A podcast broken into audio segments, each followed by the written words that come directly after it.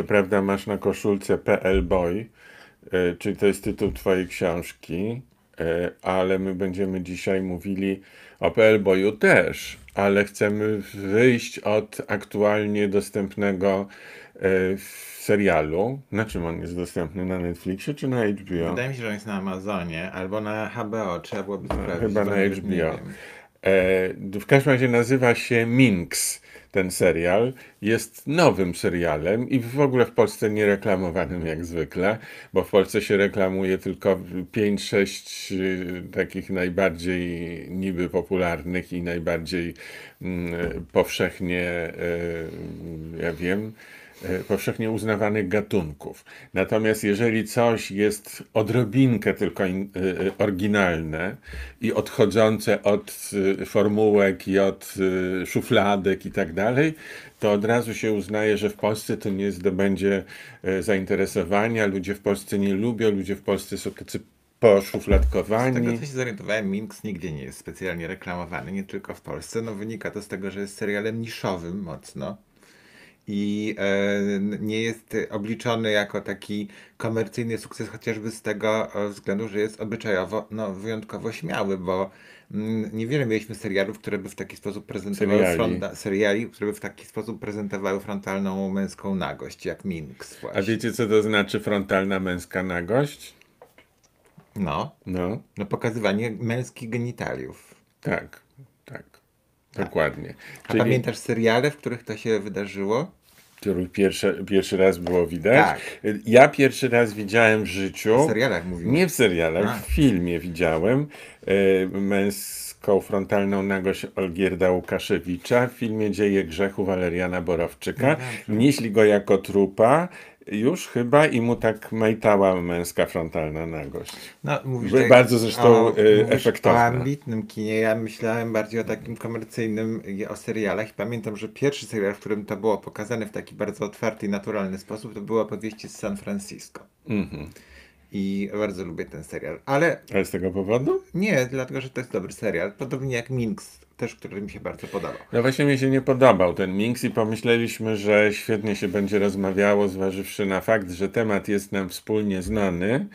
E, No i tak naprawdę Marcin mi polecił ten serial, że zobacz, to, to jest fajny serial. Mnie się kompletnie ten serial nie podobał i zasypiałem trzy razy na różnych odcinkach i, e, i, i po prostu nie wiem, jak można tak zepsuć taki fajny A temat. ja myślę, że ten serial po prostu w tobie wywołał bardzo silne emocje i Tak, silne emocje senne chyba, Tak, wiesz. dlatego że e, na, na ile ty, bo teraz ja cię będę odpytywał, Mhm. e, na ile ty się zidentyfikowałeś z Joyce, czyli z główną bohaterką tego serialu? A Ani dlaczego trochę. się nie, nie, nie, Wiesz co? Dlatego, że po pierwsze ja jej w ogóle nie rozumiem. okej. Po drugie, ja nie jestem kobietą i nigdy nie miałem umiejętności myślenia tak jak kobieta. No ale w swoim życiu zrealizowałeś to, e, co Joyce chciała zrealizować. W sensie, że ja byłem redaktorem naczelnym Playboya? No, tak gwoli tutaj wstępu i wyjaśnienia, o co chodzi, bo tutaj pewnie nie wszyscy znacie ten serial. Minx to jest historia feministki, e, dziennikarki, bardzo takiej zaangażowanej właśnie w ruch wyzwolenia kobiet, która marzy o tym, żeby stworzyć super fajne pismo feministyczne, bardzo zaangażowane. E, Ale nikt nie jest zainteresowany wydaniem czegoś podobnego, aż w końcu znajduje się e, wydawca pism, e, no świerszczyków po prostu, No, pornograficznych, różnych takich ostrzejszych i mniej ostrych różnych pisemek. który nagle niespodziewanie widzi pewien potencjał w tym jej projekcie i proponuje jej prowadzenie pisma Minx, które jest pismem feministycznym, jeżeli chodzi o zawartość dziennikarską, natomiast e, głównie przykuwa uwagę to, że prezentuje właśnie nagich modeli. No e, wychodzi z założenia, że skoro mężczyźni uprzedmiotawiają kobiety i w pismach właśnie typu Playboy oraz wszystkich innych pokazywane są e, kobiety nago jako przedmioty. E, Jako przedmioty. E, no właśnie, jako przedmioty męskiej chuci, takie obiekty Pożądania. pożądania tak. dekoracji. No to feministka, myśląc tak niby logicznie, chociaż to jest absurdalne i w ogóle tak nie jest w rzeczywistości, no ale że niby w takim razie feministka powinna uprzedmiotowić mężczyzn i w piśmie dla kobiet pokazywać gołych facetów. Tak. Co w ogóle jest bez sensu, dlatego że wszystkie badania seksuologiczne, moja mama była seksuolożką. E, I ja czytałem te książki, bardzo dużo więcej od ciebie przeczytałem książek seksuologii, to ci zapewniam. Jedni I wszystkie... czytają, drudzy robią. Co robisz? Nic, no. W każdym razie wszystkie one mówią, że stosunek mężczyzn do nagości kobiet jest zupełnie inny niż stosunek kobiet do nagości mężczyzn. Mówiąc najkrócej, kobietom trochę na czym innym zależy ja w uważam, że to nie mężczyznach. jest prawda. To jest pewna projekcja e, i taki jakby Tak, to narzucanie wynika z roli. badań naukowych. No, ale też te badania Jaka? mogą być zmodyfikowane i w badaniach naukowych e, zakłada się pewną tezę i dąży do jej udowodnienia. A szczególnie było tak kiedyś, teraz jest trochę inaczej. E, Ale to w ogóle jest... naukowcy by ci powiedzieli, wiesz, do słuchu. Ale to jest tak, że z tą męską nagością jest tak, że niektórym kobietom się to podoba, innym się to nie podoba. Ale to nie chodzi o to, że się nie niedawno, podoba. Niedawno bardzo dużą e, na mnie, e, e, dużą emocję we mnie wywołała rozmowa z jakąś panią, która taką była e, e, panią od szkolenia savoir vivre i tego, co należy, a co nie należy, która szalenie potępiła krótkie spodnie u mężczyzn. I że to Boże, jest... co ja z tym Tak, miałem. że to jest coś strasznego. Kobiety w krótkich spódnicach do kolan absolutnie tak, na wszystkich okazjach, jakie by one nie były. Natomiast mężczyzna w krótkich spodniach, szczególnie w sytuacji takiej oficjalnej, jest po prostu czymś absolutnie abominacyjnym i, I ciekawe, że w ogóle się nie mówi o jakości tych męskich nóg, bo Znaczy, mówmy się, że no zaraz, ale są No. piękne męskie No, nogi oczywiście. i są brzydkie męskie nogi, a tu w ogóle nikt nie mówi o ładnych i brzydkich, tylko w ogóle, że nogi to nogi. Ja miałem przez niego taki problem, naprawdę. Pojechaliśmy do Grecji Do i hotelu, który ja wybrałem, ty wybrałeś. z racji na to, że tam Był nie było, te, nie, że nie było tego wymogu, o którym Tomek teraz będzie Tak. mówił. Wymóg był taki, że na kolację trzeba ubrać się wieczorowo, a na, w każdym razie w długie spodnie mieć. E, No i to zupełnie budziło nasz, e, Nasze zdumienie. Nasze zdumienie. Dlatego, że, tak gwoli wyjaśnienia też jeszcze, hotel był hotelem, który się nazywał bodajże Afrodyta. Tak.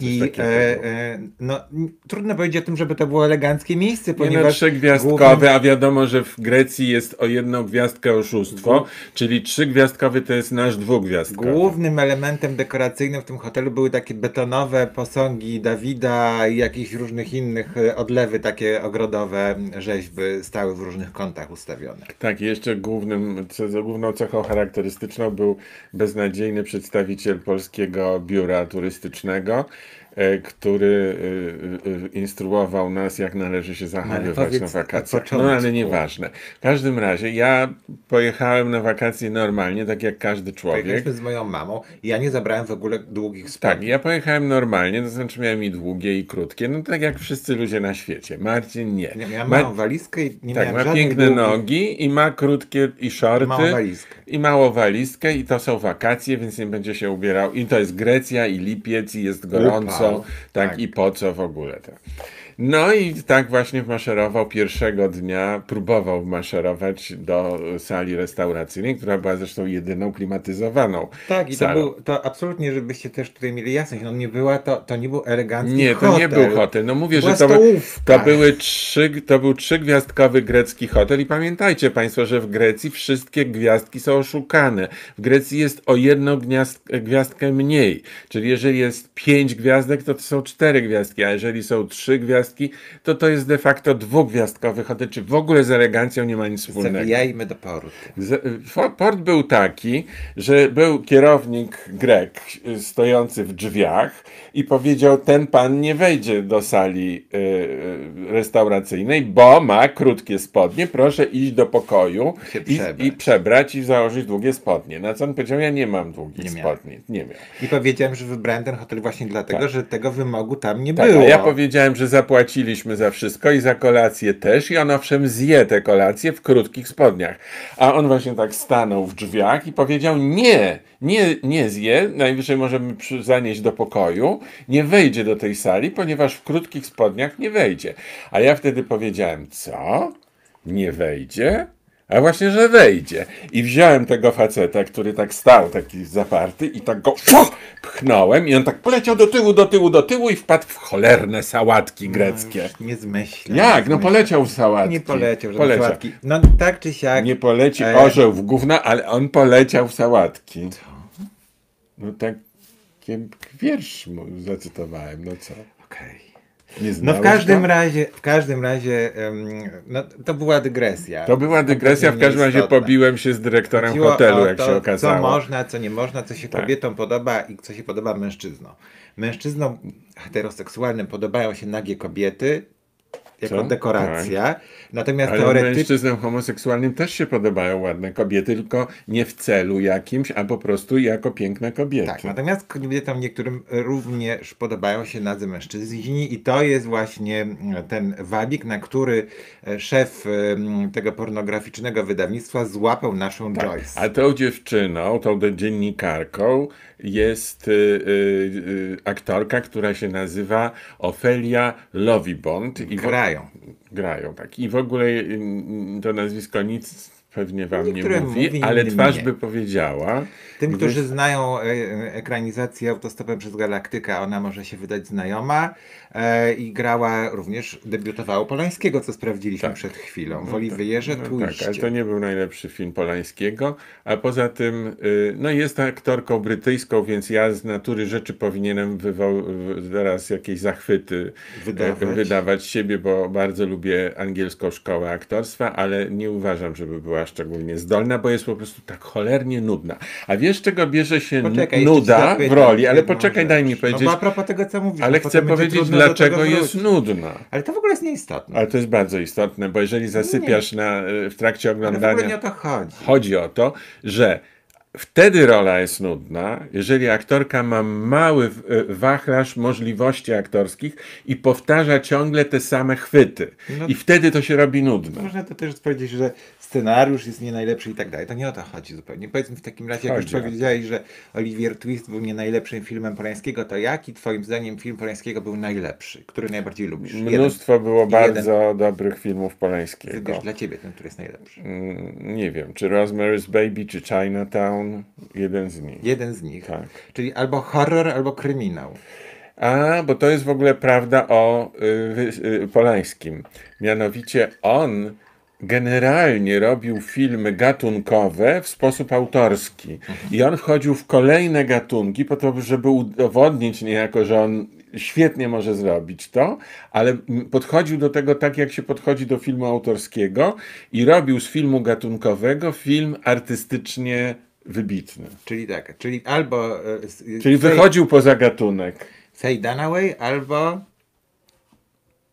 A Ty o czym teraz mówisz? no, a, o głównych aktorkach z tych Że dwóch filmów. Chinatown albo... y, Chinatown to była Faye y, Dunaway, No prawda? tak, albo ta... Y, y, y, Rosemary's Baby powiedziałem, tak? Tak.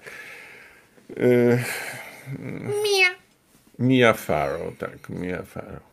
Mia Farrow. No i tutaj mamy teraz Ofelię, właśnie tutaj mamy tutaj w ogóle wyświetlone, bo nie, nie jesteśmy w stanie zapamiętać, jak ona się nazywa. Ofelia Lovibond. Lovibond. Lovibond. Tak, kolejna aktorka Polańskiego. Ale nie nazywa jej... Na... To, Tak, że ktoś raz oczywiście. wystąpił... wiesz, Dobra, to nie o to chodzi. Teraz powiedz mi, bo to co jest ważniejsze. Serial jest sympatyczny, nie ma... Jest e, bez sensu w e, ogóle. Whatever, możecie oglądać albo nie. Jest ładnie zrobiony, bardzo ładnie są pokazane lata 70., bo wszystko rozgrywa się w latach w, lata, 70. w roku 70. Tak. E, No i rzeczywiście coś jest. I teraz jakaś tam prawda w tym wszystkim jest. Mianowicie, tu powiem teraz z punktu widzenia y, y, redaktora naczelnego polskiej edycji Playboya. No, zanim zostałem tym redaktorem naczelnym polskiej edycji Playboya, to pojechałem do Stanów Zjednoczonych i tam i ja i Andrzej Pongowski, dyrektor artystyczny pierwszy y, Playboya y, polskiego, byliśmy poddani szkoleniu. I szkolono nas z historii Playboya. Ja, y, jest taka cała książka, która się nazywa Filozofia Playboya. Musieliśmy ją opanować pamięciowo, a następnie zdawaliśmy z tego egzamin. Krótko mówiąc, ja mam podbudowę teoretyczną tego, Jak pokazywać gołe kobiety w gazecie. Nie, jak doszło do tego fenomenu y, Playboya. Ale I ten- otóż Playboy był bardzo blisko z feministkami. Ale nie przerywa, ja wiem, że to jest efektowne, ale daj mi dokończyć. Chodzi mi o to, że feministki i tak, takie, no nie porno, ale w każdym razie y, y, oparte na seksie wydawnictwo jak Playboy było bardzo blisko ze sobą. I y, y, Hugh Hefner, twórca Playboya, tak jak tutaj ten szef wydawnictwa dawał feministkom miejsce do wypowiedzi, więc bo one na przykład udzielały wielkich wywiadów, gdzie przedstawiały te, te, te najważniejsze feministki świata, które w ogóle tworzyły ten ruch. E, One akceptowały Playboya. Tak. To jest bardzo Tylko ciekawe, to- więc w tym filmie jest jakieś ziarno prawdy. Uważam, że to, co zrobiłeś ty poniekąd, było dużo e, e, e, ciekawsze od tego, co zrobił Hugh Hefner. Dlatego, że Playboy nawet w Stanach, nawet jeżeli był za, zaangażowany intelektualnie i pokazywał pewne ruchy społeczne i nikt od polityki się nie odcinał, jednak nadal funkcjonował jako pismo erotyczne przede wszystkim. Ale ty stworzyłeś Playboya w Polsce i ta erotyka w ogóle była na którymś planie, bo Playboy dzięki tobie stał się pismem, który był jednym z naj, naj, najwyżej ocenianych pism zaangażowanych intelektualnie i prezentujących e, sztukę, politykę, kulturę, literaturę i, e, i, i No i sztuki wychowanie obyczajowe, bo myśmy Tak. też dbali o to, żeby no, posuwać do przodu taką świadomość y, cywilizacyjną, no, Tak. I to- żeby nie, nie, nie zatrzymywać się w tych dawnych, zmurszałych, y, y, konserwatywnych No. regułach. Tych reguł konserwatywnych naszych wtedy właściwie nie było, bo to był ten moment przełomu, kiedy wszystko się Znaczy budowało były, tylko one się nowa. łatwo kruszyły wtedy. Tak, one wszystko się rozsypywało, ale to mnie właśnie interesuje i to ci, o to cię chciałem zapytać. Dlaczego ty w ogóle zgodziłeś się na tę propozycję i dlaczego postanowiłeś Playboya prowadzić? No bo Ofelia, czyli nasza Joyce, godzi się z, blaku, z braku laku. Ona się godzi prowadzić pismo erotyczne, dlatego że nie może nic innego robić, ale ty wtedy miałeś milion propozycji. Dlaczego więc tego Playboya wybrałeś? Tak jest, zresztą wtedy byłem dyrektorem artystycznym wydawnictwa zajmującego się wydawaniem filmów na kasetach VHS i e, w związku z tym jeździłem po świecie, po różnych targach filmowych, po festiwalach filmowych, wybierając tytuły. To była świetna praca. W ogóle nikt ciebie nie kojarzył z tym, że Tomasz Raczek, czyli tak, no dziennikarz telewizyjny, człowiek, który prowadził Sopoty, wielkie festiwale, który zajmował Prowadził się... pro program ze sztuką na ty. który zajmował się krytyką teatralną i krytyką filmową. Wtedy już zaczynałeś się tym zajmować. tak. I nagle ty tutaj robisz pismo z gołymi kobietami. Oczywiście nie, nie, nie wymyśliłem tego sobie i w odróżnieniu od Ofeli w ogóle nie miałem takiego pomysłu, żeby, znaczy aktorki Ofeli, która gra główną bohaterkę, Joyce. Joyce, tak? Więc w odróżnieniu od Joyce w ogóle nie miałem takiego planu i pomysłu, żeby wydawać czasopismo. E, Natomiast miałem y, różne inne plany związane z filmami i znałem angielski i współpracowałem z różnymi czasopismami. I wydawczyni e, kilku z czasopism, z którymi ja współpracowałem, Pawie oko przede wszystkim. Pawie Oko, no nie przed Pawiem Okiem jeszcze był Businessman Magazine, a Pawie Oko to była polska edycja z kolei takiego brytyjskiego y, pisma Satellite TV Europe, które dawało mm, no, no przede wszystkim ramówki, programy, program tych kanałów telewizyjnych odbieranych satelitarnie. Wtedy był szał na y, te czasze satelitarne. Satelity były wtedy. No. Tak, i się zmieniało Eute, Eutelsat tak, czy Astra. To, co było najciekawsze, to to, że w telewizji nadawanej na ziemię polskiej na przykład były programy poświęcone telewizji satelitarnej. No i czasopisma się też pojawiały z, z tym, co jest w zachodnich różnych kanałach odbieralnych w Warszawie, no i y, w Polsce i ja takie właśnie rzeczy robiłem. I stąd Beata mnie znała. I w międzyczasie ona dowiedziała się o tym. Milewska. Beata Milewska. No ja mówiłem chyba nazwisko No ja wcześniej. podkreślam. Słusznie. No i Beata Milewska razem ze swoim współpracownikiem Tomkiem Ziębą, którzy zawsze współpracowali, I dowiedzieli się o tym, że będzie konkurs na wydawcę polskiej edycji Playboya. Tam w Chicago, bo centrum Playboya jest w Chicago, doszli do wniosku, że tak, jest już węgierski, węgierska edycja Playboya, jest czeska edycja Playboya. No, generalnie wszedł kapitalizm do Europy Wschodniej i Środkowej. Polska jest tutaj największym, najważniejszym rynkiem. Czas na to, żeby Playboy wszedł również do Polski. No i zrobiono taki konkurs i Beata mówi, słuchaj, to ja mam do ciebie prośbę, bo to trzeba przedstawić formułę pisma, jak my sobie to wyobrażamy, i jakbyś ty mógł sformułować taką formułę i to potem po angielsku przedstawić, bo przyjedzie dyrektor Haresz Szach, no i różni wydawcy będą przedstawiać te swoje pomysły, i on musi wybrać jedną ekipę, no i, i, i zależy nam na tym, żeby wygrać, no i mamy nadzieję, że nam w tym pomożesz. Ja się zgodziłem i rzeczywiście coś takiego.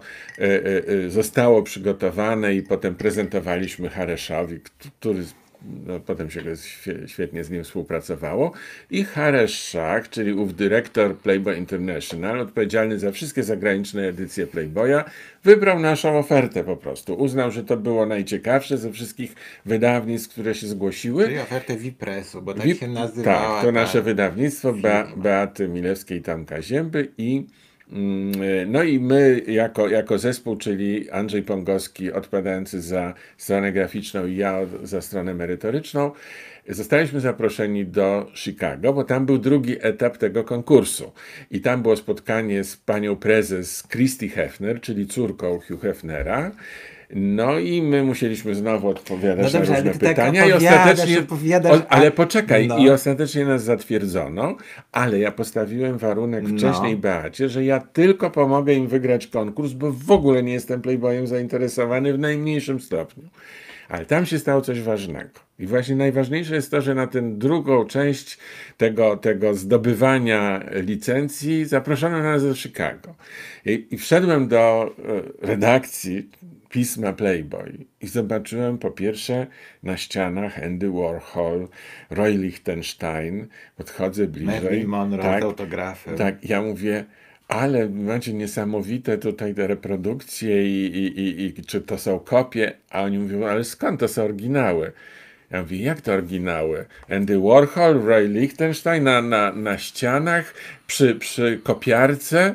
E, jak to jest w ogóle możliwe? A oni mówią, no bo u nas jest taka zasada, że w każdym numerze Playboya jest jakiś fragment literatury, jakieś opowiadanie takie lekko erotyczne, zamawiane u najlepszych pisarzy i do tego jest ilustracja zamawiana u najlepszych twórców, grafików, malarzy i tak dalej, no między innymi u Andy Warhola i to jest zamawiane, kupowany jest ten obraz, ten obraz jest fotografowany i wykorzystywany jako ilustracja, a oryginał jest zawieszany w redakcji.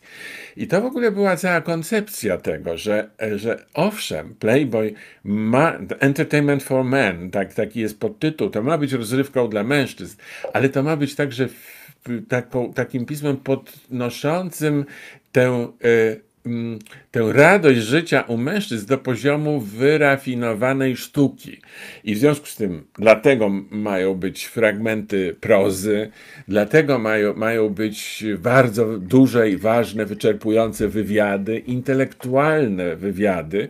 Zresztą nawet Playboy utworzył, wiesz, takie y, stypendium dla ludzi, dziennikarzy specjalizujących się w wywiadach, które jest w Stanach Zjednoczonych bardzo wysoko notowane, bo, bo to jest dla najlepszych specjalistów specjalistów. Krótko mówiąc, jakość tego pisma od strony artystycznej pokazała mi, że to nie jest żaden świerszczyk, jak mówiono w Polsce wcześniej, bo się przemycało przez granicę, bo celnicy zabierali i tak dalej, więc to uchodziło za świerszczyk. Świerszczyk świerszczykiem, ale to jest na bardzo wysokim poziomie. No ta idea. Nie idea, tak realnie, realnie to wyglądało wtedy, kiedy ja tam pojechałem w 1992 tak, roku. Tak, ale to była idea, która nie do końca przystawała do ówczesnej rzeczywistości, bo Playboy w Ameryce jednak miał, nie, nie miał aż takiej pozycji, jaką w Polsce zyskał dzięki tobie i dzięki temu, jak ty z Andrzejem tym pismem zaczęliście zarządzać na początku. Myśmy właśnie postawili Beacie taki warunek, bo kiedy wracaliśmy samolotem do Warszawy i, i, i Beata wtedy mu postawiła szampana i mówi, słuchajcie,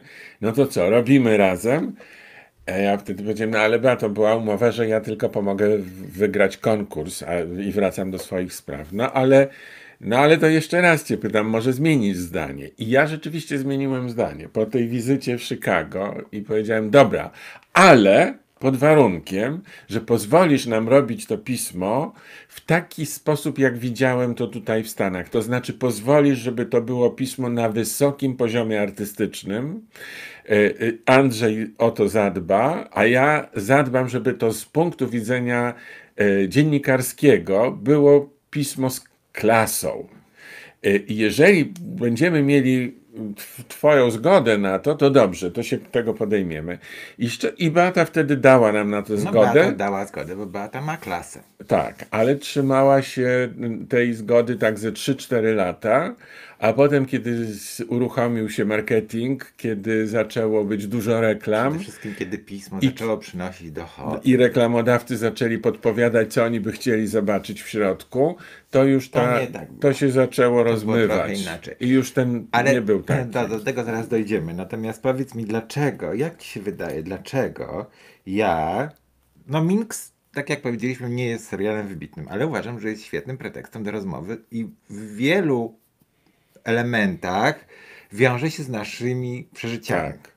A dlaczego akurat uznałem, że dobrze byłoby o tym porozmawiać? Dlatego, że napisałeś książkę pod tytułem PL Boy. Nie, ważniejsza jest w okazja. którym opisałeś dokładnie, jak w praktyce wygląda życie Jak w takiej redakcji. życie w tej redakcji, to za chwilę o tym też pogadamy. Taka Ale, afera była straszna o tej książce. ale dlaczego akurat teraz uważam, że należałoby o tym porozmawiać? Nie wiem. Poddajesz się. Tak, poddaję się. Dlatego, że ile lat minęło od tamtego momentu, kiedy pierwszy Playboy O, nie pomyślałem o tym, tak.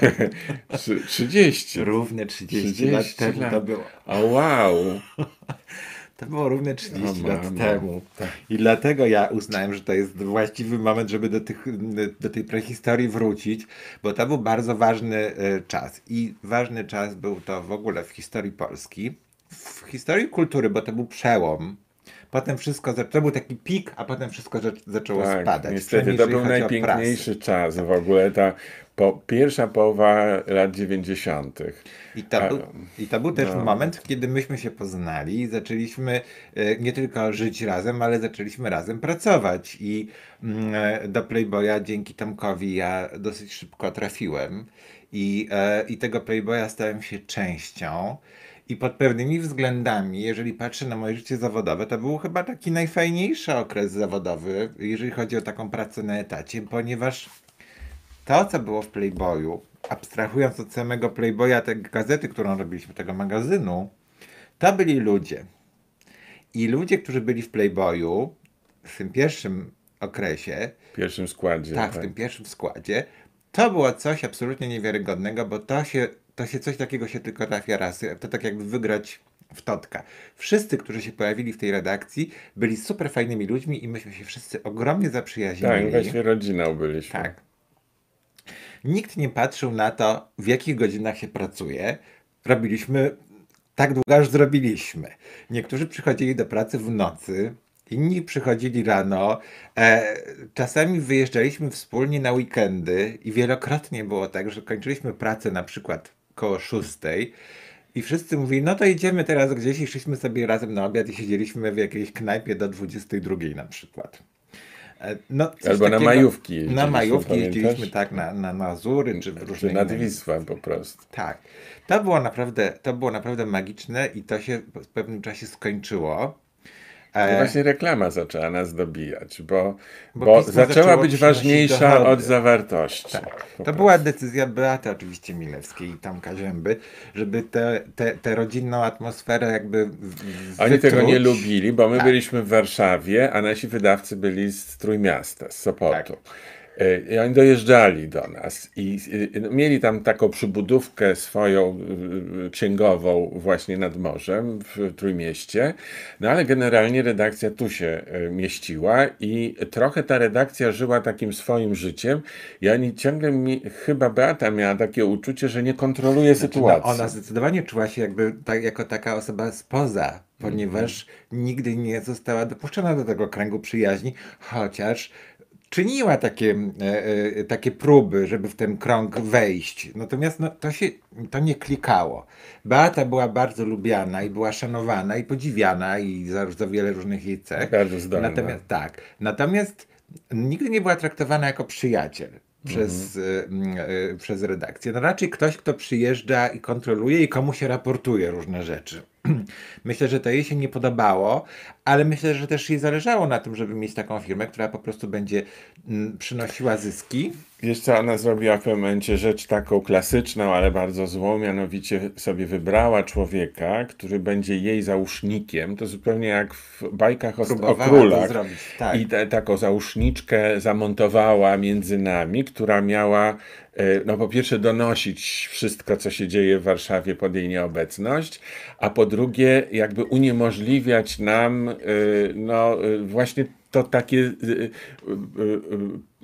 no ten, tę taką przyjaźń i jedność, rozbijać trochę tej Tak, jedność. tak, tak, tak trochę zatruć tę atmosferę, Tak, ale to nie tak. było tak, że To- to było- ona czyniła takie podejście parę razy. Przecież pamiętasz, jak próbowała y, dziewczyny z reklamy nakłonić do tego, żeby e, pilnowały, jak chciała zakładać karty, żebyśmy odbijali karty przychodząc do pracy, żeby nas zmusić do tego, żebyśmy przychodzili na, fabrykę określoną mieliśmy, tak, tak. godzinę, określonych godzinach. Tak, ale, ale teraz ty mi powiedz, dlaczego w takim razie tak szybko z Playboya zrezygnowałeś? Właśnie z tego powodu zrezygnowałem. Y, To po trzech latach zaczęło y, być widoczne. Ja przestałem mieć przyjemność zrobienia tego pisma w momencie, kiedy dział reklamy stał się w oczach wydawczyni ważniejszym działem od działu merytorycznego. I, y, I w zasadzie wszystko zależało od tego, ile stron reklamy sprzedamy.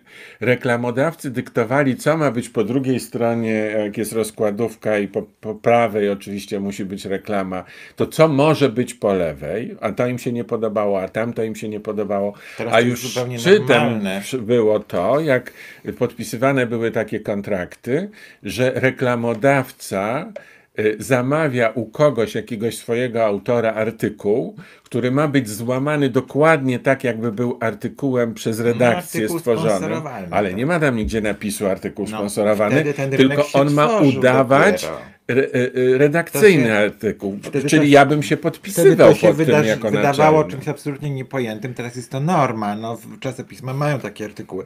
Ten rynek jest się wtedy tworzył. ogóle, no. No. ale to też wynikało trochę z tego, że ty się zniechęciłeś, bo nie chciała, bo nie, Beata się nie zgodziła, żebyś został wspólnikiem.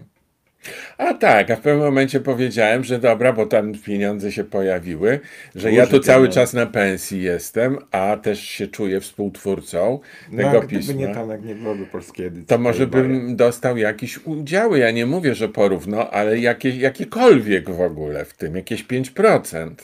No i wtedy usłyszałem takie twarde nie.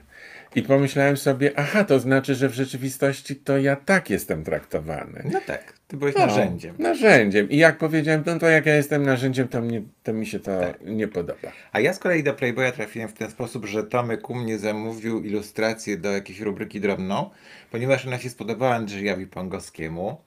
E, to Andrzej zaczął u mnie zamawiać ilustracje. Ja się trochę interesowałem typografią wtedy, bo byłem grafikiem.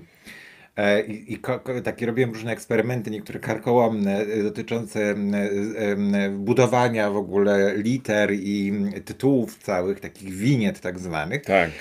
Ale to było wtedy na topie. I Tak. Andrzej zaczął u mnie zamawiać oprócz ilustracji też takie różne typograficzne mm, rzeczy. I Andrzej zresztą był wtedy też w czubie poszukiwań. On sam w sobie ma w charakterze. przyszedł taki takiego. moment, że e, ponieważ za, ja dostawałem wierszówkę no, za, za każdą z tych rzeczy, A, e, tak. byłem wynagradzany oddzielnie. No wszyscy tak, ci, którzy robili na zlecenie jakieś rzeczy dla Playboya, zresztą Playboy świetnie płacił wtedy.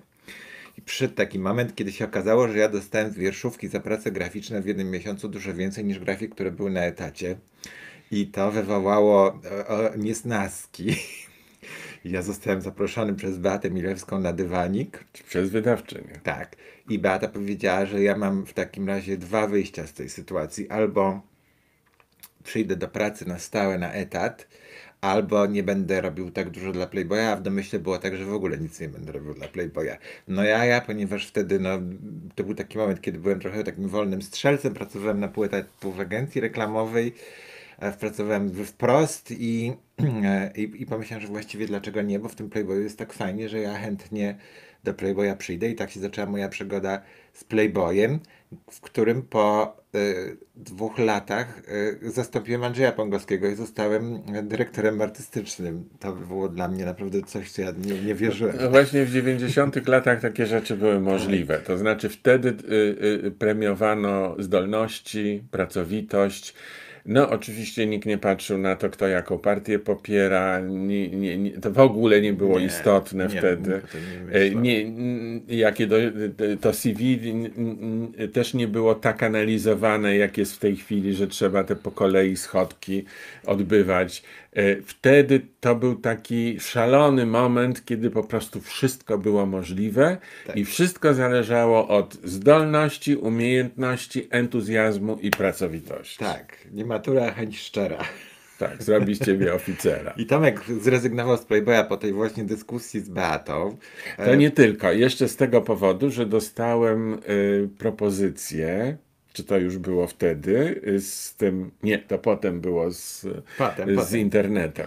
To było dużo potem, dłu- Mhm. długi czas potem. Ty robiłeś swoje rzeczy, natomiast jak A odszedłeś... nie, już wiem, to Kanal Plus odszedłem, Tak. bo tam robiłem swoje Siódme niebo. siódme niebo. E, Tak. Jak e, odszedł Tomek z Playboya, to ja właśnie akurat mniej więcej w tym samym momencie dostałem propozycję, żeby zastąpić Andrzeja, czy też jeszcze tam był inny chłopak po drodze, po Andrzeju, zanim ja zostałem dyrektorem artystycznym. Meksykanin. Ale, tak, Hector Ponce de Leon Mendes, pamiętam.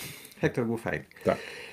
E, ale to, że ja tak się mm, e, tam odnajdywałem i sprawdzałem i byłem e, e, przez Beatę lubiany, to wynikało z tego, że ja się wyspecjalizowałem w takiej sztuce, która wtedy była czymś absolutnie nowym e, i niesłychanie pożądanym. Wiesz, co to było? Nie wiem, co masz na myśli. No, w czym ja byłem największym specjalistą. I A, już wiem, w poprawianiu zdjęć, żeby, żeby, żeby dziewczyny, a szczególnie celebrytki, podobały się sobie na zdjęciach. Tak. No i żeby się podobały też oczywiście czytelnikom, no i żeby ich koleżanki z branży po prostu robiły się zielone z zazdrości. Co za ciało. Tak. I Ani tak jednego rozstępu. Pamię- Rozstępy usuwał Pamiętam. lepiej niż chirurdzy nie, nam się plastyczni. wszystko usuwało i to było tak, że rzeczywiście A jak ja się nie dało znałem usunąć, to liśćmi przykrywałeś. żadnych tutaj nie, nie, nie było żadnych granic, jeżeli chodzi o te poprawki. Na początku, kiedy to się zaczęło robić, to, to był Hektor właśnie był takim człowiekiem, który mnie w to wprowadził, on miał różne patenty. E, I W Meksyku początku- generalnie grafika stoi wysoko, taka y, na grafika początku to użytkowa. było takie bardzo delikatne i tak próbowaliśmy, co można, co nie można, a szczególnie jeszcze same gwiazdy, które wtedy wybieraliśmy, bo to było tak, że co tydzień przyjeżdżała Beata z Trójmiasta do Warszawy i było kolegium. Kolegium. Kole... Najczęściej w poniedziałki to było. Tak. Spieraliśmy się w sali konferencyjnej wszyscy, no i tam podczas tego spotkania opowiadaliśmy o tym, co jest, co jest zrobione, co jest do zrobienia, co zrobimy i było podstawowy, tu już po twoim odejściu to, było, to była żelazna reguła, znaczy kogo rozbierzemy. I kogo rozbierzemy, to było głosowanie anonimowe na karteczkach. Każdy To pisał. za moich czasów tego nie było. Nie, no potem to zaczęło być problemem, bo tych celebrytek mm, nadających się do rozebrania robiło się coraz mniej. I pisało się na karteczkach mm, i wrzucało się i Beata odczytywała te, mm, te propozycje i się zastanawialiśmy, czy ta osoba się da rozebrać, czy się nie da rozebrać, czy warto ją rozebrać, czy nie warto jej rozbierać. I co ona w ogóle pokaże, jak pokaże i czy pokaże. I kto coś wie, co ona tam ma. Tak, jak do niej dotrzeć. Oczywiście za, podczas każdego e, głosowania e, były e, e, propozycje w rodzaju mm, Marla Rodowicz. Beata dostawała białej gorączki wtedy, ponieważ to, no, był to żart oczywiście, ale za każdym razem ktoś to przemycał. Marla Rodowicz, Marla Rodowicz Słuchaj, dostaniesz takie, takie łomot od feministek po tym dzisiejszym... Dlaczego? Ja mówię o tym, co Zobaczysz, było. no ja wiem, ale ale zobaczysz. ja uważam, że to było e, em, karygodne i dlatego A, o, widzisz, o to napisałem... chodzi, żeby tak mówić od czasu do czasu. Dlatego napisałem Pellboya, no bo to, ta książka to jest cała To jest, prawda. to jest groteska, to jest po prostu wykpienie całej tej sytuacji. No w każdym razie, jak te wszystkie celebrytki, które się zgadzały ostatecznie, aktorki, gwiazdy, na to, żeby się rozebrać, to na początku, no to im zależało, żeby były fa- fajnie ucharakteryzowane, żeby ta sesja była, to tak zwane były łokcie. A- a Seria, sesja łokcie to była taka, że no widać było różne części ciała, ale żadnych kluczowych praktycznie. E, niektóre z tych aktorek. Ja już teraz nawet, nawet nie pamiętam nazwisk, bo niektóre z nich już po prostu dawno przeminęły, te, które były rozbierane z takim, mm, z takim przytupem dla Playboya. Ja coraz, coraz bardziej grząski grunt wchodzisz. No, taki, był, taki był ten czas. nie e, mówię o to były- przeminięciu teraz. A, no tak, no, no przeminęły. Nawet nie pamiętam nazwisk teraz niektórych. To niesamowite. Wtedy tak to przeżywaliśmy. tak z wiekiem się robi. Tak. No i e, były takie różne propozycje, na które Beata się nie zgadzała, e, chociaż, e, chociaż nie wiadomo było dlaczego. Miała różne problemy. Na przykład pamiętam osobą, myślę, że mi wybaczy, że ja wymienię z, z imienia i nazwiska, bo to był największy sukces wtedy w Playboya. Tak. To Ale, była a, Szaza. tak, ale ile to trwało, Tak. żeby przekonać Beatę, ponieważ Beata, która była taką elegancką panią i dbającą bardzo o to, żeby było widać, że ona ma klasę, w ogóle jak usłyszała, że to ma być disco-polowa artystka, No właśnie, bo powiedzmy kim była Szaza, No, pewnie nie no pamiętacie. królowa Szazy. disco polo. Szaza była absolutną królową wtedy. Lata Tak. 90. należały do Szazy. Sprzedała, podejrzewam, więcej, więcej płyt niż Beatlesi. Nie, aż tak No to nie. nie, ale, ale rzeczywiście to tak, były niesamowite nakłady. I e, myśmy mieli w ogóle słabość do szazy. Oczywiście, że tak, dlatego, że to była taka ciężko pracująca, uczciwa e, wokalistka. W Po dodatku- szkole muzycznej średniej, Tak, nie żadna amatorka. Oczywiście, ona po prostu wybrała sobie taką misję, stworzyła e, biznes, bo to naprawdę było godne szacunku. Była niezwykle popularna. Beata nie chciała się absolutnie zgodzić Ja wiele razy proponow- Tak. proponowałem i ona za- zawsze uważała, że to jest prowokacja z mojej strony. Tak, ponieważ Szaza się robiła coraz sławniejsza i przyszedł taki moment, kiedy e, Pomaton bodajże zaproponował Szazie nagranie płyty takiej już nie disco polowej, Znaczy takie przejście popowej. z disco polo do takiej już oficjalnej polskiej estrady popowej. To Beata wtedy pękła i powiedziała, no do dobra, to spróbujmy Sza- Szazę rozebrać. I pamiętam, e, tę współpracę wspominam tak dobrze, nie tylko dlatego, że Szazę bardzo polubiłem prywatnie, okazała się świetną dziewczyną. Tak. Z E, poczuciem humoru, z i dystansem. inteligentną, no naprawdę super. E, to była jedna z niewielu celebrytek, gwiazd rozbieranych dla Playboya, która nie miała absolutnie żadnych oczekiwań, jeżeli chodzi o poprawki na zdjęciach. I kiedy ja się pamiętam, wtedy mówiłem, Tomka, już wtedy nie, ty już wtedy nie, Nie. pracowałeś w Playboyu. Ja się umówiłem z Szazą w Mariocie, pamiętam. Miałem te zdjęcia, które mm, zostały zrobione. Oczywiście wyretuszowałem je i poprawiałem. Bez przesady, bo naprawdę ona nie wymagała poprawek wielkich. I zabrałem te e, takie portfolio, za każdym razem tak się to odbywało, portfolio z tymi zdjęciami wydrukowanymi. Pojechałem na to spotkanie z Szazą.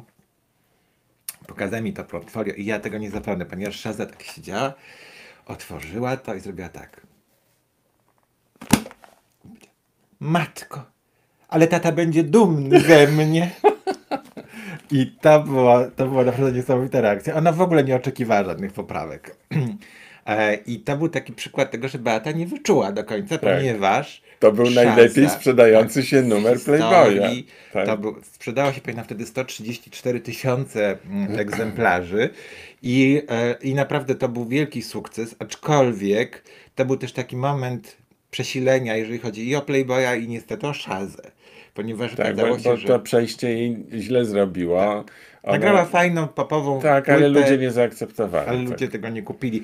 Diskopolowcy poczuli się dotknięci, że ona się od nich Zdrada, odwraca, tak. a wszyscy ci, którzy pogardzali disco polo, nie chcieli jej zaakceptować jako Tak, wokalistki tak. innego nurtu. Ale zobaczcie teraz, jaką niebezpieczną osobą jest Marcin. Mianowicie on wie wszystko o tych artystkach, jak one naprawdę Ty wyglądały. wiesz. No, Ty też, wiesz, do dzisiaj masz przecież zachomikowaną kartkę, na której jedna wokalistka, Mam. bardzo znana i może Tomek nam zdradzi, co Nie to była wokalistka, e, spisała e, bardzo długą listę poprawek, które 30 mieliśmy, chyba, tak, 30 które ja miałem nanieść na jej zdjęcia i e, to był ważny, ja dla to mówię nie dlatego, że masz tę kartkę i możesz ją szantażować, no i w życiu by mi nie przyszło do głowy coś pieniędzy. takiego. Nie, Ona nie, jest nie. super. No widzicie, nie dowiecie się, kto to jest. To wiesz, 25 lat po śmierci Ona zainteresowane. też pewnie nie wie, że ty masz tę kartkę. Ja tę kartkę wyniosłem z redakcji. Em, ale ta kartka jest bardzo ważna, No na dlatego pewno że... się już zgubiła dawno ta Nie, karta. na pewno ją masz. To było tak, że kiedy Tomek z tego Playboya odszedł, w takich niezbyt przyjemnych e, początkowo, no nie to, że w konflikcie, Nie, taki był kwas, był bo się kwas. nagle okazało, że ja myślałem, że my tu jesteśmy jedną rodziną. To znaczy, że to, co udało się zbudować w Warszawie, że rzeczywiście powstała ta jedna rodzina, to że Tomek i, i Beata też są y, y, no, z dala, z da- dalszymi krewnymi, no bo z, z wybrzeża, ale też są częścią tej rodziny. Y, Tak to wyglądało z mojej strony, a potem się okazało, że, że nie, że oni mają swoją, swój biznes, że zbierają pieniądze na jakieś swoje inwestycje. A ja, nie, a ja jako redaktor naczelny nie jestem częścią tej, tego ich biznesu, jestem po prostu wynajętym człowiekiem do robienia pisma. I wtedy zrozumiałem, y, no to jest takie pokazanie komuś miejsca w szyku. I że pokazali, ty stoisz na końcu kolejki, No tak. kolego. No I, I ja wtedy się po prostu poczułem z tym tak źle, a jeszcze wtedy to się nakładała na to właśnie taka rosnąca siła tego marketingu i reklamy, czyli dyktowania. Co, co chwila przychodzili y, szefowie marketingu i mi chcieli dyktować, co ja mam w piśmie umieszczać.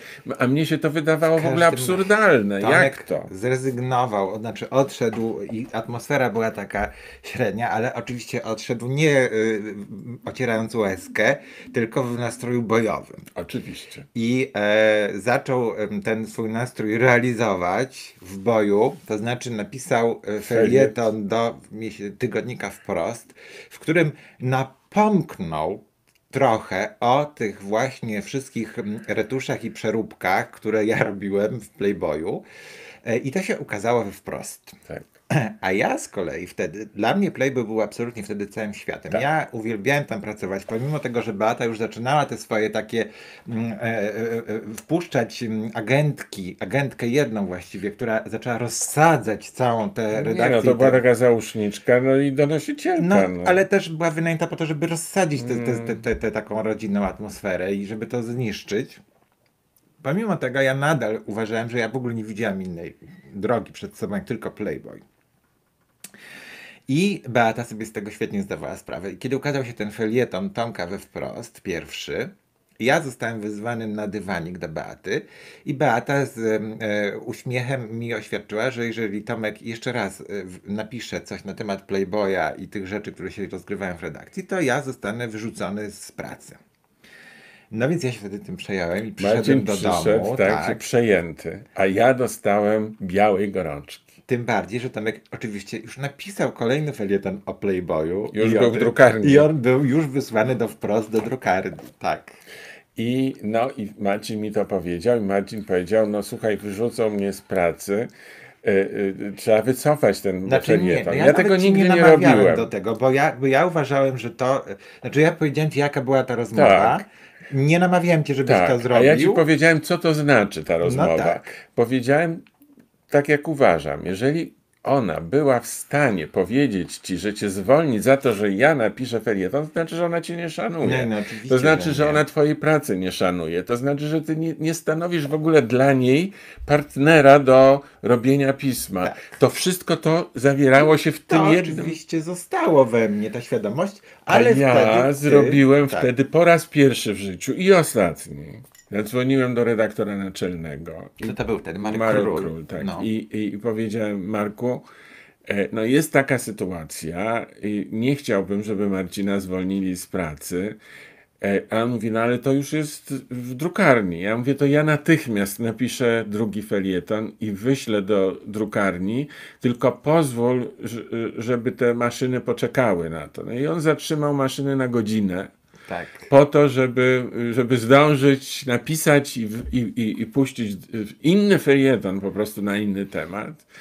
I to E, się udało. I to się udało. I, ja Ale to, to było już złamane serce, jeśli ja- idzie o mnie. To znaczy, ja od tego momentu już nie byłem gotów bronić Beaty, nie byłem gotów y, czuć się y, po jednej stronie, we wspólnej drużynie, bo to, to że mi nie dali tych udziałów, to pal 6, ale taki szantaż był absolutnie poniżej Tak. pasa.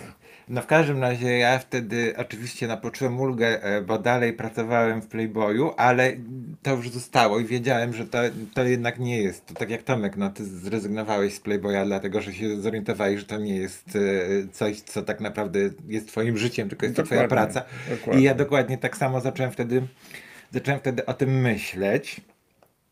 I przyszedł taki moment, że, e, e, no, że dokonałeś zemsty tysiąclecia. Bo, wydali, bo wydałem twój debiut. No, nie, nie, zanim do tego doszło, to e, boleśnie ją zraniłeś. Jak?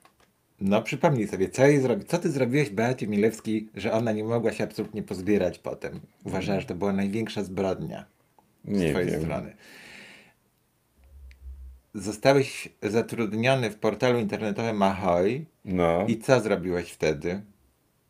Nie wiem. No zacząłeś ściągać ludzi z A, Playboya. tak, podbierałem wszystkich ludzi z redakcji, tak. To Ale było oni byli tam przede wszystkim przeze mnie y, zatrudnieni i, i, i zna, znalezieni.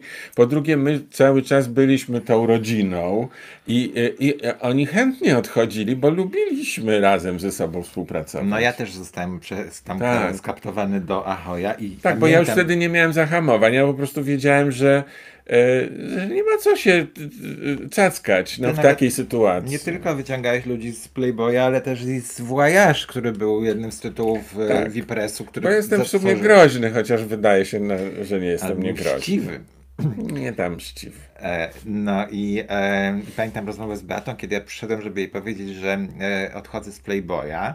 Bardzo to była silna dla mnie emocja wtedy. Z jednej strony ogromny żal, a z drugiej strony satysfakcja. E, po tym właśnie e, napuszczeniu na nas tych, tych agentek jej i, i tak dalej, rozsadzeniu tego całego mm, organizmu zdrowego. I to było wredne strasznie. Tak, plus e, oczywiście to już się zaczęła ta zjeżdżalnia prasy. I to pamiętam, Beata świetnie wyczuła, to trzeba jej przyznać. Ona nagle od pewnego momentu zaczęła mówić, że jest za dużo tekstów w czasopiśmie. Za dużo jest tekstów, za dużo jest tekstów. Ludzie nie chcą czytać tekstów, mamy pokazywać więcej zdjęć, więcej zdjęć, podpisy pod zdjęcia i mało tekstu. I ja pamiętam, że dla mnie to było coś absolutnie, ja się nie mogłem z tym pogodzić, bo te teksty w Playboyu były świetne i tak wybitni ludzie te teksty pisali dla nas. Ale Beata oczywiście miała nosa, bo to za chwilę tak zaczął, mm, zaczął ten e, Wszystkie rynek pisma zaczęły przypominać siebie i Tak. nagle Przede- zrobiło się tak, jak teraz jeszcze jest, że się wchodzi do kiosku ruchu czy kolportera, patrzy się i jest kilkaset różnych tytułów i wszystkie jednakowo tytułami. wyglądają. Tak. I te same osoby są na okładkach. Wtedy pamiętam, było to, weszło pismo na rynek, bo były różne próby, żeby jakby temu Playboyowi na rynku polskim zagrozić, nie? Maxim wychodził, Tak. Hustler wychodził przez Tak. chwilę, nic z tego nie wychodziło, aż wyszło pismo CKM. I pismo CKM nagle zaczęło stanowić dla Playboya no, realną konkurencję, ponieważ oni się świetnie odnaleźli, a właśnie odnaleźli się dzięki temu, że oni nie, nie szli w wybitność.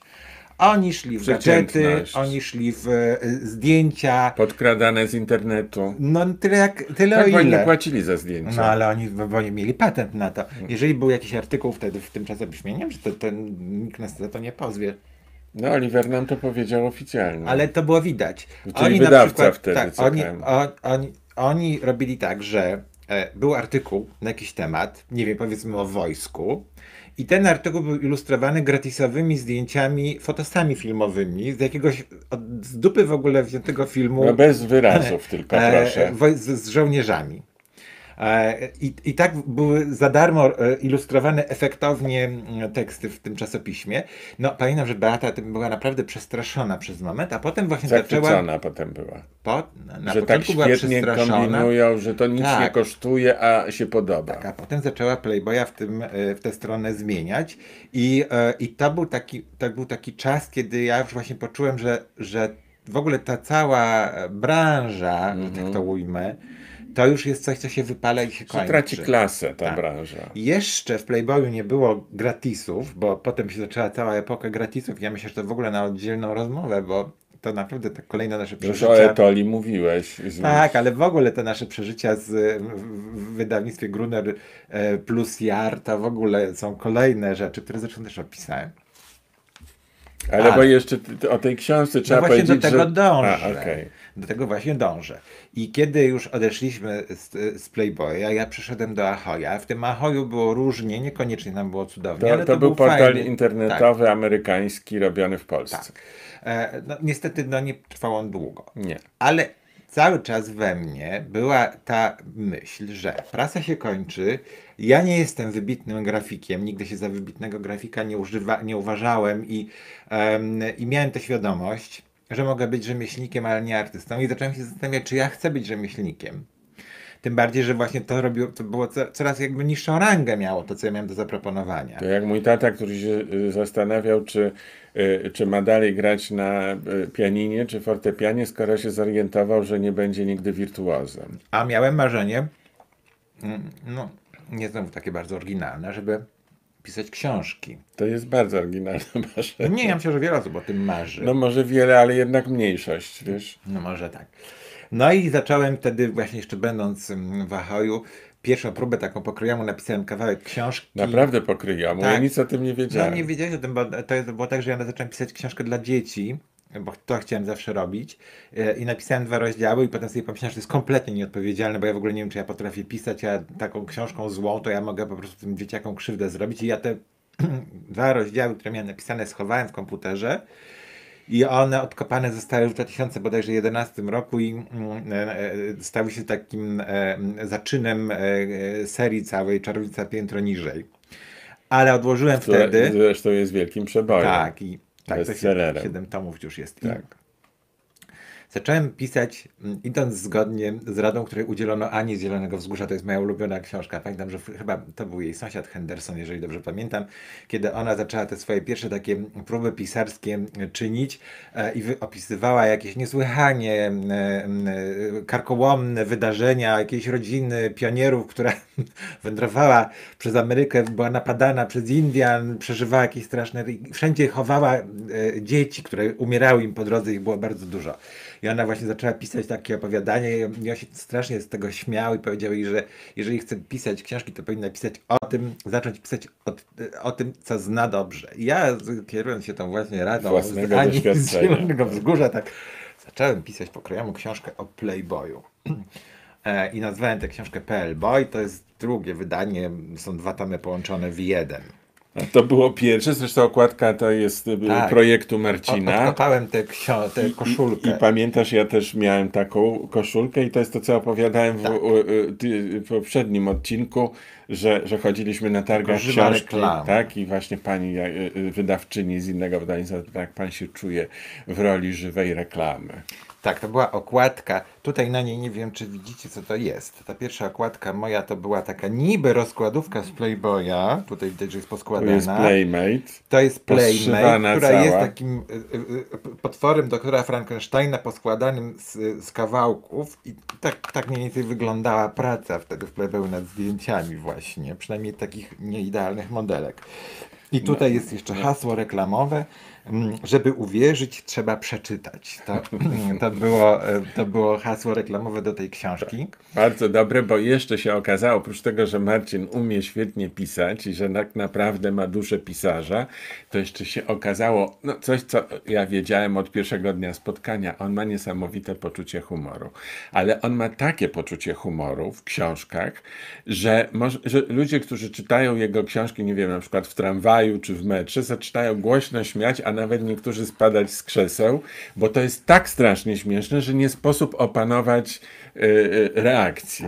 No i ta książka właśnie zdobyła czytelników natychmiast i stała się przebojem, między innymi dlatego, nie tylko dlatego, że była sensacyjna, ale że była tak strasznie śmieszna. Nie, znaczy to było tak z tą książką, że ona jak już e, zaczęła być przygotowywana do druku i w internecie były, bo to już internet, to były czasy internetu, 2003 rok, były pierwsze fragmenty opublikowane, to Zenia, no bo tutaj już no, nie będziemy wymieniali no, z litości już Nie. prawdziwego imienia i nazwiska. Zenia to jest ta załóżniczka To jest ta agentka, Graty. tak, która, Agentka, która tak. załatwia.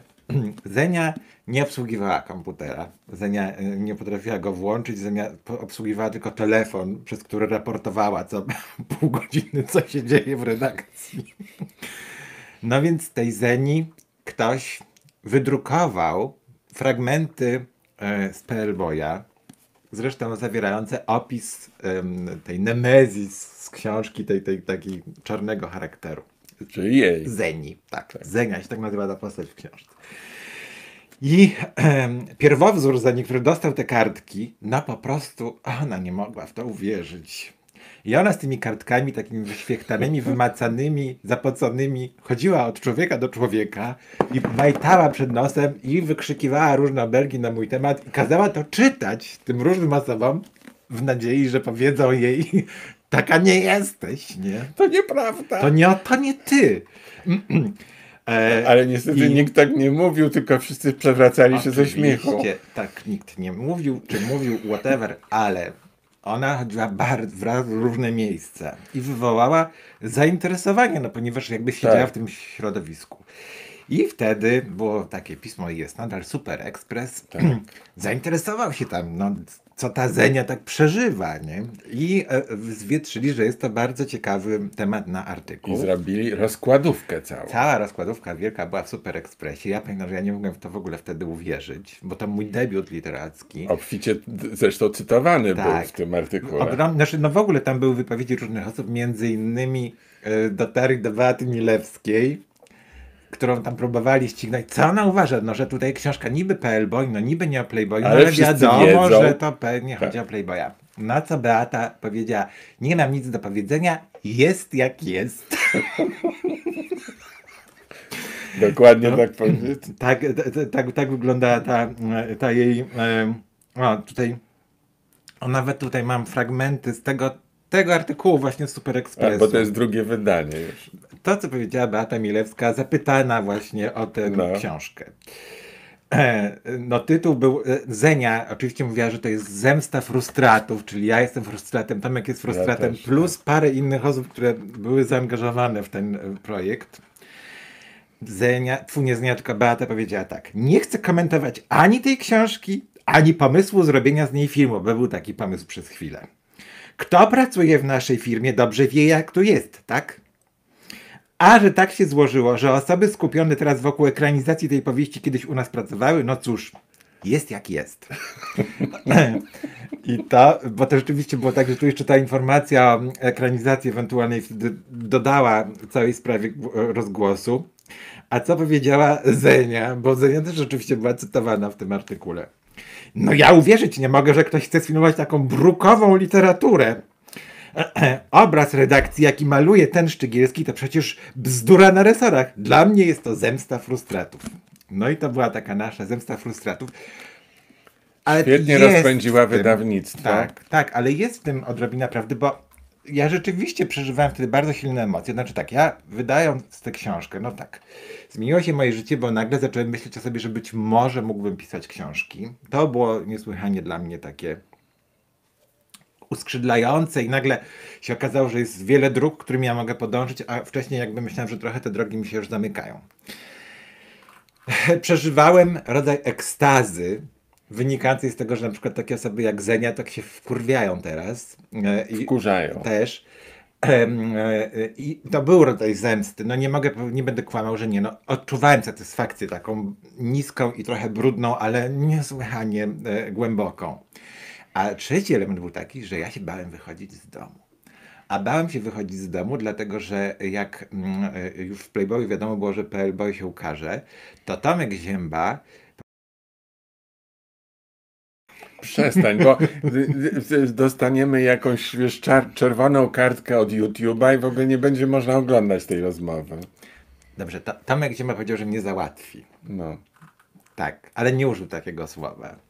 Myślę, że możesz wypikać ten, te, to przekleństwo. Nie wiem, spróbuję wypikać. Dobra, albo wytniesz to. Tak. No w każdym razie, ale ta, ta, to był cytat. To był cytat. I ja, ponieważ to był taki naprawdę no, robiący wrażenie mężczyzna postawny, duży, groźny, no to, to odczuwałem pewnego rodzaju Tak, lęk. nawet antyterroryści wtedy, kiedy były, wiesz, te, e, e, tak, tak, taki lęk przed zamachami bombowymi, to jak wchodził do Mariota, to go wzięli za terrorysta arabskiego i go na glebę Tak, bo taki, taki Omar Sharif No, trochę. To tak, tak. No, także, także te emocje wtedy były naprawdę e, e, ogromnie silne. I dla nas to był, mm, e, to był no bardzo ważne wydarzenie, jeżeli chodzi o nasze wydawnictwo, bo rzeczywiście nagle się okazało, że my mamy y, tutaj już jakby własną stajnię autorów. No. Bo mamy Zygmunta Kałużyńskiego, który nas wydaje, mamy Tomasza Raczka, który wydaje w Latarniku i mamy mnie, ja też mogę pisać. Jeszcze w dodatku każdy z nas Robi co innego. robi co innego. To Inaczej było- to robi, tak. tak. No a za Marcinem zaczęły się ustawiać kolejki wielbicieli jego y, na początku poczucia humoru, bo wtedy jeszcze dla dzieci nie pisałeś i po prostu ludzie, no zresztą do dzisiaj czytelnicy są spragnieni książek, które wiesz, potrafią im y, y, y, y, ten, ten, ten, tę całą złą energię ze środka odprowadzić, wiesz, wyrzucić. Śmiech robi to najskuteczniej, dlatego takie książki są na wagę złota. Tak, ja tę książkę pokazuję oczywiście. Ja się trochę już teraz jej wstydzę. E, zmieniłem się bardzo, minęło 20 prawie lat od momentu, kiedy ja tę książkę pisałem, jestem kimś zupełnie innym i nawet był taki moment, bo jest wielu mam takich kolegów e, literatów, którzy swoje e, książki, które odniosły sukces przerabiają bez przerwy i co roku publikują nowe, poprawione wydania. Pokażę, jak Ja Marcin się- wtedy wyglądał. Ja się, no tak, to było bardzo dawno temu. Nie no, to jest taka grafika. To nie jest grafika, to jest No zdjęcie. tak, ale takie przerobione mocno. e, ja się nawet zastanawiałem, czy tej książki em, jakoś nie e, upgrade'ować i, i nie przygotowując kolejne wydania, bo rzeczywiście tych wydań było sporo, czy tego nie poprawić, ale potem doszedłem- do wniosku, że to byłoby nieuczciwe, no bo tę książkę pisał tamten człowiek w taki sposób, jak wtedy myślał i świat widział. E, na wszelki wypadek nie zaglądałem do tej książki od wielu lat, bo boję się, żeby mi się zrobiło słabo albo gorąco, jakbym zaczął teraz to czytać. Jednak się trochę nauczyłem, myślę, jeżeli chodzi o warsztat pisarski. Natomiast zdecydowanie mam tę książkę, ona zawsze będzie głęboko w moim sercu, bo to jest mój debiut. No i właśnie to nas zaczęło. łączy z serialem Minx. Tak. e, Z feministkami, tylko my jakby z drugiej strony dochodziliśmy do tego, ale też mieliśmy ten e, moment, kiedy wkroczyliśmy w świat e, wydawców pism z, sekso, z seksem i zarabiającym Erotycznie. na seksie, tak. E, I chcąc robić coś innego, tak jak e, w- tu bohaterka Minksa Joy. Tylko w drugą stronę. Joyce chce iść w stronę feminizmu, to myśmy chcieli robić taki artystyczny magazyn. No, to znaczy tak, no Joyce tutaj y, y, jest postawiona w takiej sytuacji, że aby cokolwiek zrobić, musi się zgodzić na e, obniżenie standardów. Natomiast Tomek, bo ja potem się tam pojawiłem i robiłem różne rzeczy dalej, ale ja już byłem w środowisku, które funkcjonowało, natomiast Tomek stworzył coś odwrotnego. To znaczy zostałeś zatrudniony, zatrudniony, zaangażowany, y, namówiony do stworzenia polskiej edycji pisma erotycznego i ty zupełnie jakimś mm, e, e, e, cudem z tego pisma erotycznego zrobiłeś w Polsce magazyn, który był odbierany jako taki sygnał, synonim, rekwizyt e, czegoś niesłychanie wyrafinowanego Ta, elitarnego. elitarnego. wręcz, E, Wypadało mieć mm, e, Playboya nowy numer leżący na ławie w salonie. tak, a nie pod poduszką sypialni. A to, co było najbardziej zdumiewające i co było absolutnym ewenementem, nigdzie na świecie nie było takiej sytuacji jak w Polsce, to to, że kto kupował Playboya w Polsce? Kobiety. Tak. W Polsce Playboya kupowały kobiety. To, to nigdzie to. to No, ale też trzeba miejsca. powiedzieć, że w Polsce czasopisma kupowały i kupują kobiety. No. Także dla mężczyzn, mężczyźni w ogóle y, y, by, są słabymi czytelnikami, jeśli idzie o prasę. Prasa kolorowa jest oparta w 80% Tak, na cię kobietach. Dobrze, ale to, jakbyś tego nie tłumaczył, no nigdy, nigdzie nie było tak, żeby pismo erotyczne żona kupowała dla męża. No ale no. tak u nas było, bo nas tak y, było. dziewczyny kupowały, otwierały tę rozkładówkę, sprawdzały, czy tam nie ma jakichś zagrażających ich pozycji elementów, po czym składały i mówiły tak, kupiłam sobie twój styl, Klaudię i panią i coś tam, a dla ciebie mam Playboya. I, i dawały tego z, z Klaudii Playboya. jeszcze nie było chyba. No wszystko Twój jedno, jakieś był. inne pisma.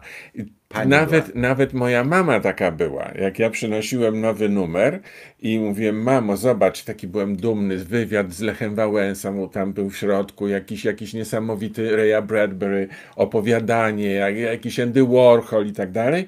A mama zaraz, rozkładówka, ogląda tę gołą dziewczynę Ja mówię, mamo, ty gołe zdjęcia, które są do, do, do powieszenia w garażu oglądasz. A mama mówiła, ja muszę, ja jestem lekarką i ja z powodów medycznych oglądam. Tak, tak.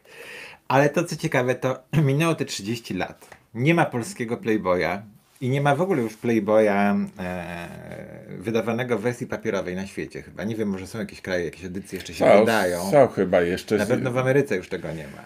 Nie Ale- jestem pewien e, co do Ameryki Łacińskiej, bo tam Może na tak. trochę innych zasadach Playboy był wydawany. Ale to co ciekawe i co znowu nas tutaj doprowadza do Minksa po tych, po tych wy- wywodach całych, to to, że y, czy ty wiesz w ogóle coś na temat y, przedostatniego bodajże króliczka Playboya? W sensie dziewczyny króliczka, czy Króliczka, no. y, y, Rozbieranki Playboyowej sprzed dwóch bodajże numerów. Nie, nie. Nie wiem, co w ogóle Kto został myśli. na okładce Playboya A, na okładce internetowego No Playboya. bo już nie ma tego papierowego No amerykańskiego. nie wiem, Jane Fonda? Chłopiec. A, I chłopiec. to był właśnie, to jest ten moment, że my docieramy, do koło się zamyka.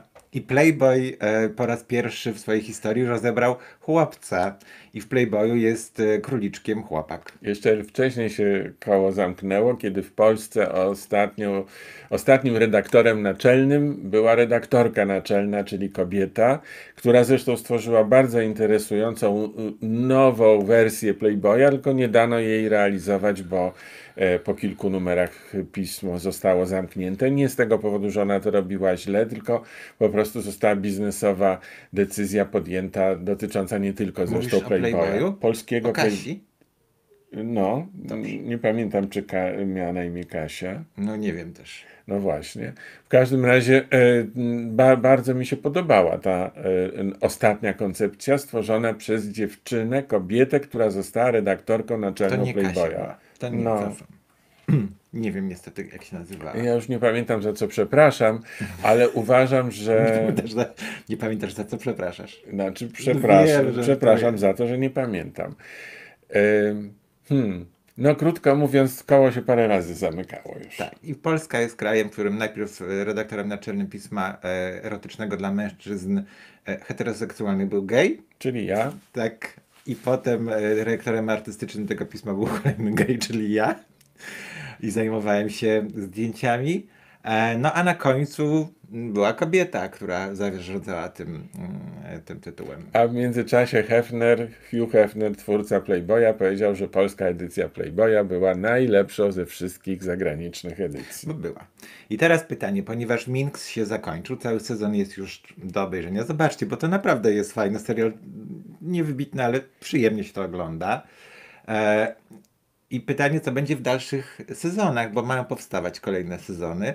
E, I ciekawe, czy tam również się odnajdziemy i nasze wspomnienia, i nasze przeżycia. Bo Marcin jeszcze ma e, ewentualnie do napisania następną książkę o tym, jak byliśmy w wydawnictwie Gruner und Jahr, o czym dzisiaj już poniekąd już odrobinę trochę tak, tak, trochę- trochę zaczął mówić, a tam się działy też niesłychane rzeczy. Może o tym pogadamy, bo te rzeczy w dużej mierze opisałem w e, książce Les Farfocles. Tak, czyli farfacle namiętności. Tak. I drugi czek. To tyle. To tyle. Na razie. Cześć. Do zobaczenia.